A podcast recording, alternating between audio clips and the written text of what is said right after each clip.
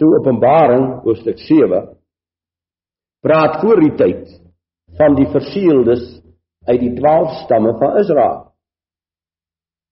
Nou kan jy praat van die verseeldes uit die stamme van Israel en dan kom hy oor en dan vergeet hy of hy verloor die verseeling van God van voor die grondlegging van die wêreld, die wat aan hom behoort, die wat hy formeer het vir homself. Maar hier is nog 'n pragtige teks. En dis die 15de. Daarom is hulle voor die troon van God en dien hom dag en nag in sy tempel en hy wat op die troon sit sal sy tent oor hulle oop span. Nou Johannes op die eiland Patmos. Waar kry hy nou vandaan? Hy kry 'n openbaring, maar het God nou sy openbaring verander vanuit die skrifte? Nee, God se openbaring bly mos dieselfde, maar niemand sal verwys Wat is hierdie tent wat hy oor hulle oopspan nie? Nou kom ons bly na Esegiel 37 toe. As ons Esegiel 37 lees, dan lees ons van die wonderbare, van die wonderbare herstel van Israel in die wêreld. Ek ken die hoofstuk baie goed. Uh, dit gaan oor die dor doodsbeendere wat herstel, die liggaam wat herstel en wat opstaan en so voort tot 'n magtige koninkryk En dan staan daar in vers 22, hy sal 'n koning wees oor Israel, ons die wederkoms van Yeshua maak dat hy sal koning wees oor Israel en hy sal regeer. Hy sal dan uh in die beeld van Dawid sal hy wees. Vers 25 en hy sal woon in die land wat ek aan my knegt Jakob gegee het. Vers 26 sal 'n verbond van vrede met hulle sluit. Ek sal my heiligdom in hulle midde vestig vir ewig vers 27 en my tabernakel sal oor hulle wees en ek sal vir hulle God wees en hulle sal vir hulle vir my volk wees en die nasies sal weet dat ek Jawe is wat Israel heilig as my heiligdom vir ewig in hulle midde sal wees. Nou goed.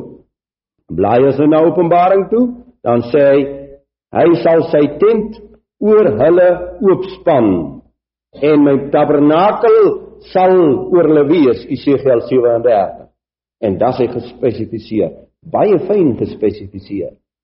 Sodat die ander nasies sal weet dat God Jahwe Israel weer heilig as sy heiligdom dat dit sal waar word by die begin. Het ons gelees in Jeremia 2 toe hy met hierdie volk in die huwelik getree het was Israel sy heiligheid. En Israel sal weer sy heiligheid wees.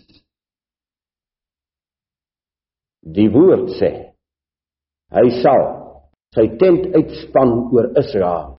Die kerk sê nee oor die wêreld. Jawe sê in Genesis 17 ek sluit 'n ewige verbond met die huis van Abraham sluit met hom en met sy huis, met sy nageslag, hoeveel nasies en tale en stamme en volke hulle ook al sal word, hulle sal die nageslag van Abraham wees solank hulle in die wet van God bly en een van die grondwette is dat jy nie mag meng nie, dat jy 'n suiwer geslag moet bly.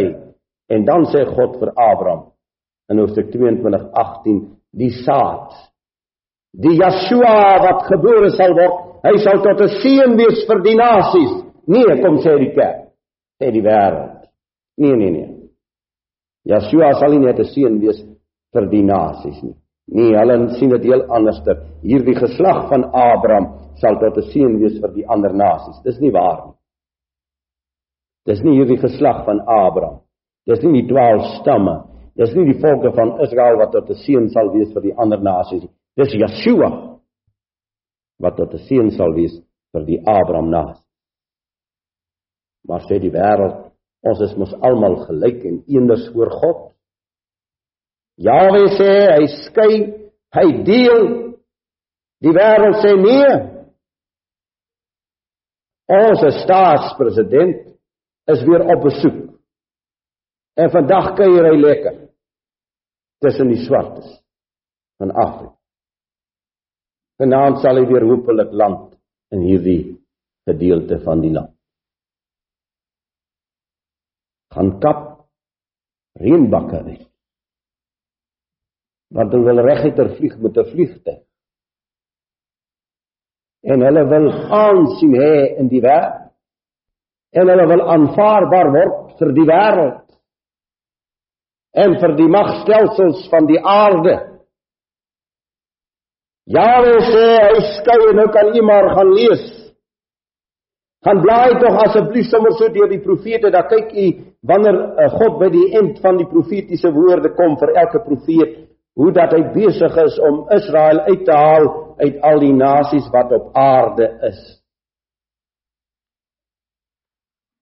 Maar die wat die wet moet ken, ken nie die wet nie.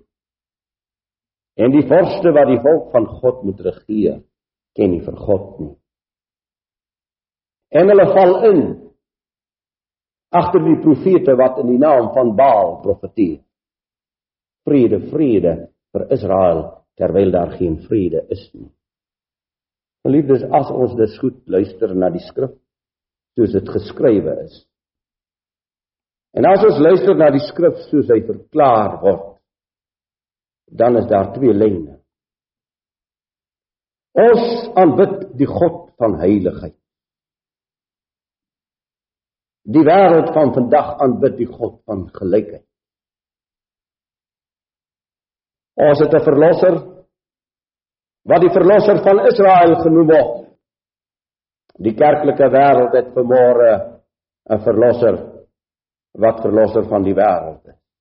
Verbasend, verstommend dat professor Potgieter dat hy dit waag om die boere van hierdie land aan te kla.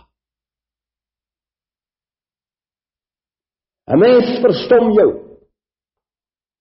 plaas van dat hy hierdie regering in sy ouens weer aankla. Kom klaar die boer aan wat sy erfgrond wil bou.